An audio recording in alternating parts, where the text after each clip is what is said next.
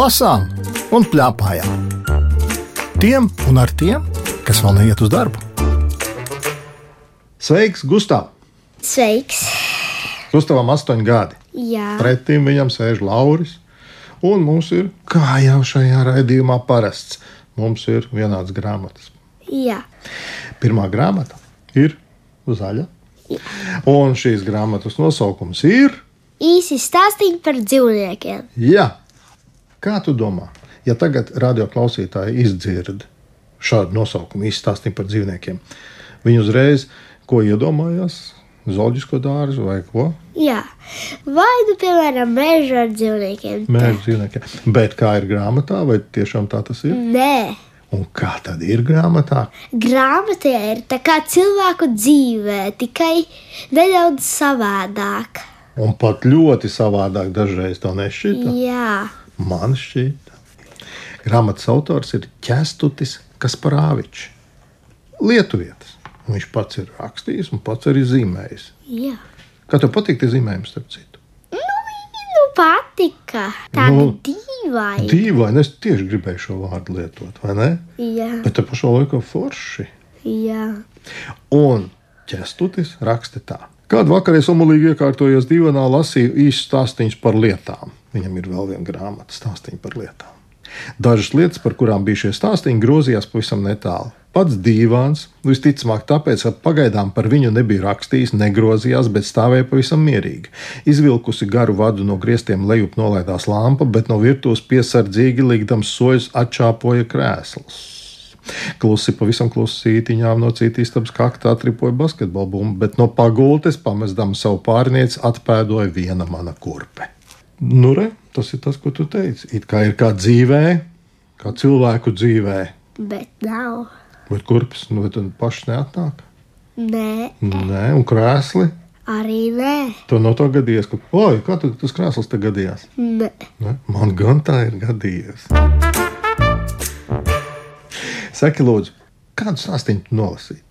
Es nolasīju tādu stāstu, kuras vārds ir cūkas. Man ļoti šis stāstījums patika. Man arī palasi, lūdzu. Sarkanu ķieģeļu mājā dzīvoja cūku ģimene. Reiz saime apsēdās pie galda pusdienot, visas cūkas ēda cūcīgi. Bez karotes, bez dakšiņas un bez naža. Tētis strēba tieši no šķīvja, mamma skaļi čāpstiņāja, bet bērni sabāzuši priekškājas un šņukurus.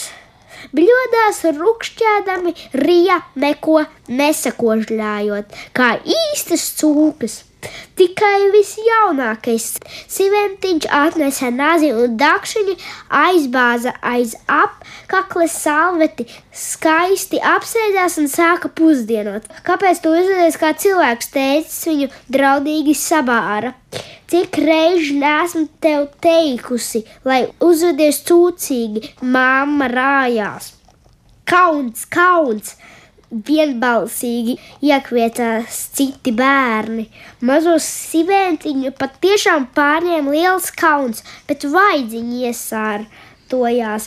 Viņš norāva salvetu, nometa zemē, nazi un dakšiņu, pēc tam ar visām četrām kājām uzrāpās uz galda un sāka strēpt. Ne tikai no savas, bet arī no blakus sēdošo siventiņu bļodām. O, tā jau ir cita lieta. Tēvs viņu uzslavēja malacis, priekpilna dēla, uztaisnāts. Māma, nāc pie manis, mīļais, es tev noskūpstīšu. Sīventiņš aiztraucās pāri galdam pie māmas, pa ceļam izmētādams uz visām pusēm, bļodas šķīvis un citus trauks kā īsts sūka. Uh, ko tu, tempā nolasīji šo, tā tad tev patika riktīgi. Jā. ne? Jā, man arī šis patika. Jo tur bija tāda neparasta lieta. Tu iedomājies, ka varētu būt otrādi cūkām. Nē. Vai ne? Tā kā cilvēkiem, un izrādās, ir. Vai tu pamanīji, ka šajā grāmatā bija vēl tādas lietas, kas ir otrādi? Jā, piemēram, pulkstenis runāja un kalendārs. Nu, tas ir tāds brīnums lietas, bet kas ir pilnīgi otrādi. Nu, tā, ka tu neiedomājies. Kad ķēnguri, kad viņi dzīvo, viņam viss ir augšā, jo viņi lēkā. Un eh, kā tev patika šis stāsts par dziedoni? Nu, arī tāds bija tāds interesants, jo Es laikam aprakstīšu šo stāstu. Tur ir tā, ka pingvīnu ģimenē tētis nopērk būrīti ar, cilvēku. ar cilvēku iekšā. Nevis otrādi. Jā, Un tas cilvēks viņam dzied kaputiņš. jā, Traki! Tev nešķita? jā. Kurš vēl tev stāsts patika? Nu, man tas pats, un man vēl patika arī grāmatu govs, jo tur uh, viņa ēda grāmatas burtus. Un vai tu biji iedomājies tādu lietu kā zivs makšķerē? Nē, vispār ne. Un tas atkal bija tieši tāpat, ka viss ir otrādi.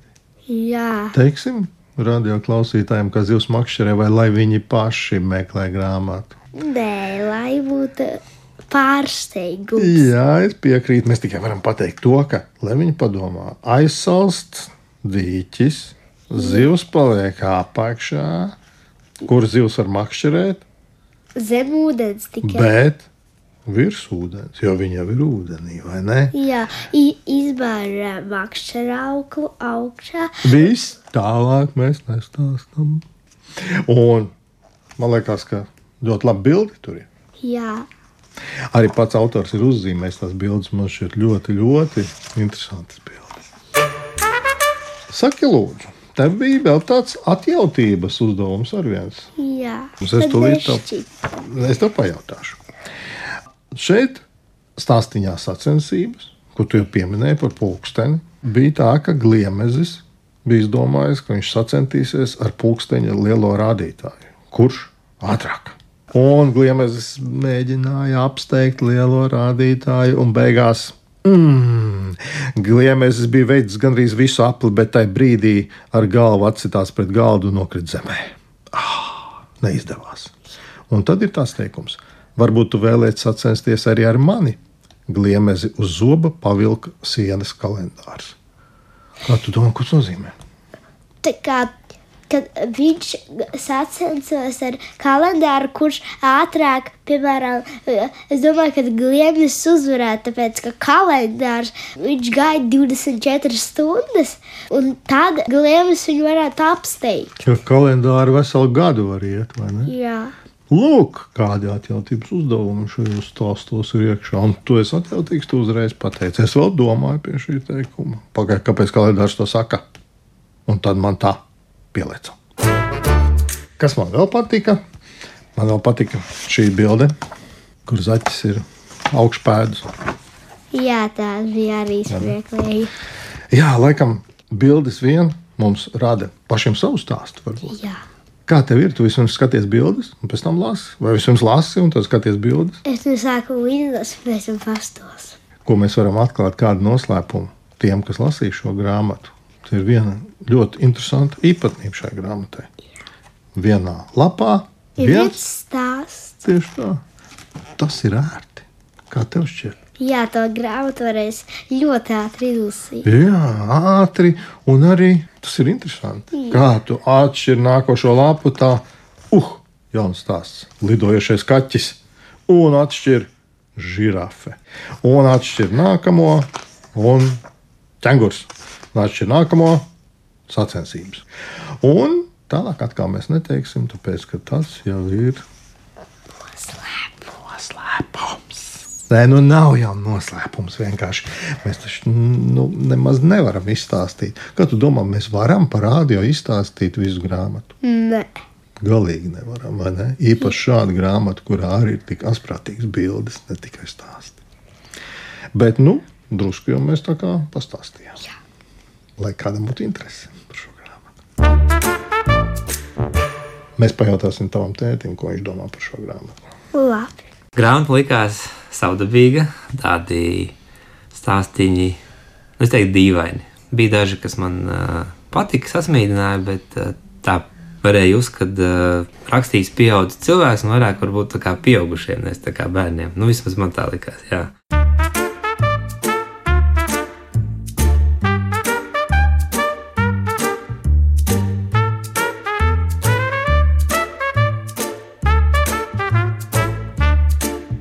Lasām un plēpājām. Tiem un ar tiem, kas vēl neiet uz darbu. Parunāsim par otru. Nu, šajā grāmatā nu, man nepatika, jo, jo tur par dzīvniekiem, arī par dzīvniekiem, bet un beigās man patika. Bet es, es nolasīšu to, kas man nepatika šajā grāmatā. Man vispār nepatika šajā grāmatā, tāpēc, ka tas ļaunais cirka direktors slikti izturējās pret tiem dzīvniekiem. Nu, kur tad tu gribi nolasīt gabaliņu? Lēkt cauri stīpām zvērni negribīgi izlēca, un tagad godātā publika, kā jau solīju, māvīgs numurs jūsu priekšā zvēru valnieki un visu iznīcinošā uguns dresētājs aizdedza lāpu un piegrūda to pie stīpām. Tas iemirdzēja košās liesmās, iestājās kapa klusums, tad iedārdējās bungas un zvēri izbijušies sarāvās lēkt. Tie baidījās no pātagas, bet vēl vairāk no uguns. Aha, un tagad es pateikšu, kas tā vispār ir pa grāmatu. Jā, Jo mēs nepateicām. Šīs grāmatas nosaukums ir Bete un lidojošā dzimšanas dienas dāvana. Šīs grāmatas autori ir Vitālija Maksvīte un Marijus Marcinkevičs, un bildes zīmējusi ir Lina Itagaki. Tev varbūt ne tā, ka tev patika grāmata, bet nepatika kāds personāžs šajā grāmatā. Jā. Man nepatika tas ļaunais cirka direktors, bet izrādījās, ka tur arī bija labais, kurš bija iespundēts uh, skapī. Viss tālāk nestāsti. Atkal atstāsim noslēpumu. Šo gan te ir tā kā krimināla stāstā nevar stāstīt līdz galam. Bet saki, kas tev patika jau vēl? Man patika šajā grāmatā visas beigas, kad viss atrisinājās. Un sākumā tev bija kāds personāžs, varbūt, kas tev patika. No patika vislabāk bete. Nu, tā beidzot mēs tikām līdz tai betei. Un par beti šeit rakstīts tā. Viņa nekad nenokar degunu. Pat savā dzimšanas dienā, kuru visi cenšas sabojāt. Bete nesaņem ilgaidīto dāvanu. Viņai uzklūp nejaukā kaimiņiene, bet mamma aizliedz svētku pusdienas. Tu vari iedomāties, ka mamma aizliedz svētku pusdienas. Jā, Nē, labi, nē. te tā ir. Kā var aizliegt svērtu? Nu, redzi, tu arī tā atbildēji, bet nepadomāji, ka tas taču ir traki. Bet, nu, betei tā tas dzīvē tur gadījās. Bet tas jālasa pašiem. Man ir samērā grūti tagad pateikt, vai mēs drīkstam atklāt to noslēpumu, kas ir betes lidojošā dzimšanas dienas dāvana. Nu, varam. Varam. Jo tas jau patiesībā neko daudz nepateiks, tāpēc, ka tur ir daži dažādi notikumi ar to. Nu, labi, nu tad saki. Bet tas lidojošā dzimšanas dāvana ir cūka. Es pat teiktu, cūciņa, Jā, cūka. neliela. Jā. Un tā tiešām ir no tā paša cirka, kur ir tas nejaukais direktors. Saki, tu esi kādreiz redzējis tādu cirka izrādi ar dzīvniekiem? Nekad. Jā, un zini, man ir aizdomas, ka tev arī negadīsies vairs redzēt. Jo Latvijā, piemēram, ir aizliegti cirka izrādes ar dzīvniekiem. Kā tev šķiet, kāpēc? Tāpēc, ka, lai cilvēki neredzētu, bērni, kad moca tos dzīvniekus. Un par šo arī ir šī grāmata. Te pašā laikā man pašā sākumā šķita, hmm, vai tikai bete nemoka arī kādu dzīvnieku. Es nolasīšu vienu gabaliņu. Labi. Tu tagad saproti, par ko es runāju? Es zinu par slieku. Jā, par slieku. Un tur bija tā, ka betei šausmīgi gribējās sunīti. Un kā jau tas daudziem bērniem gadās, tie vecāki to sunīti negrib. Tev ir suns mājās. Bija. Un bete izdomā, ka viņa dresēs slieku. Jā. Tas ir iespējams. Nē, Un, lai neviens nepamanītu to, viņa jau iesauca viņu par bīmu. Un, lai neviens nepamanītu, tad sanāca tāds gadījums. Meitene aplaida skatienu visriņķī un neko labāk neizdomājusi, iemeta bīmu mutē. Te pašā mirklī pa durvīm ievēlās Hanna un mamma. Nu, laudētos kuģi, kāpēc tu izrāvi manas puķis? Es domāju, ka es neko nepamanīšu, auroju kaimiņiem, un vēl sabāz atpakaļ ar saknēm gaisā, vai tu nesaproti, ka saknēm jābūt zemē? Nu, tur bija par dārziņu, tur skandāls. Un tad tur viņiem ir tā saruna, saruna, saruna, un tad kas tiek aprakstīts, kas notiek ar slieku. Kņudoņa pamazām betes mutē kļuva neizturama. Betes sejas muskuļi sāk raustīties, viņi visiem spēkiem centās savaldīties. Paskatieties, viņi par mani vēl ņirgājas, kaimiņiem piedraudēja ar izrauto puķu pušķi. No apvītušajām saknēm uz visām pusēm aizsprāga zemes druskas.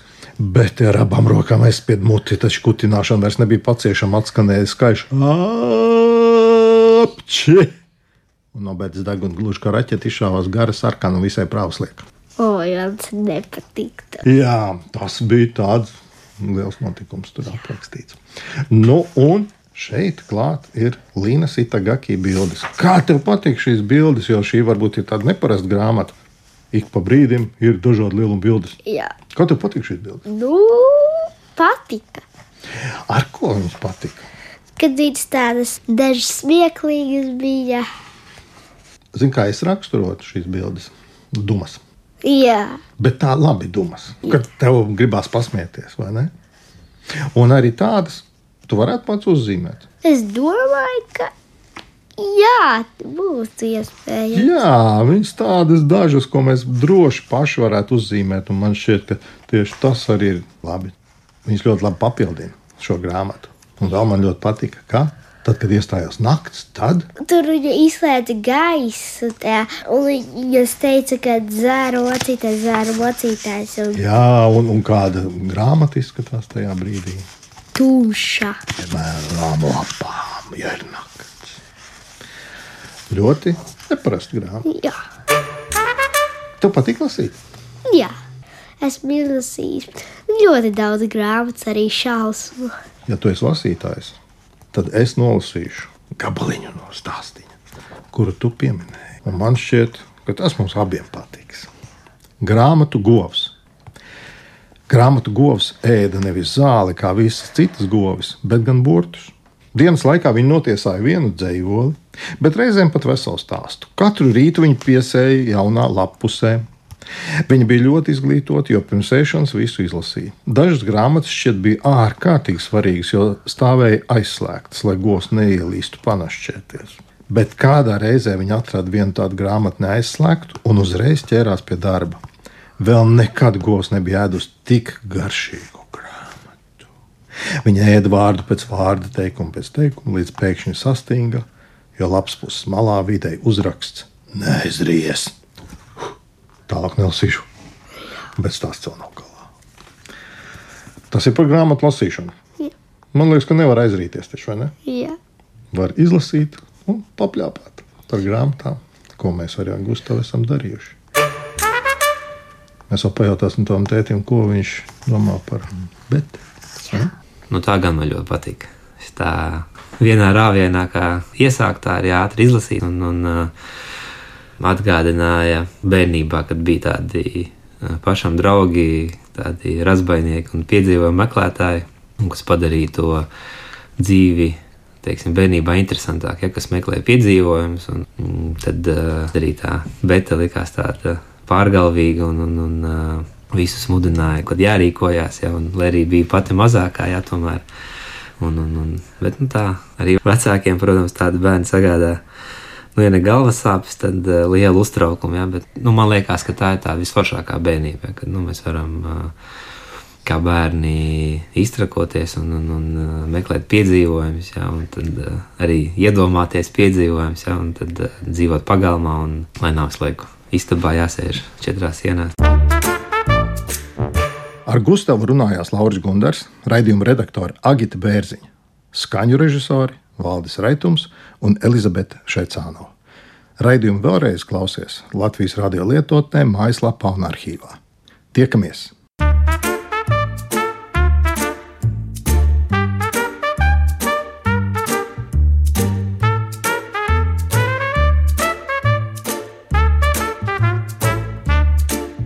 Lasām un plēpājām. Tiem un ar tiem, kas vēl neiet uz darbu.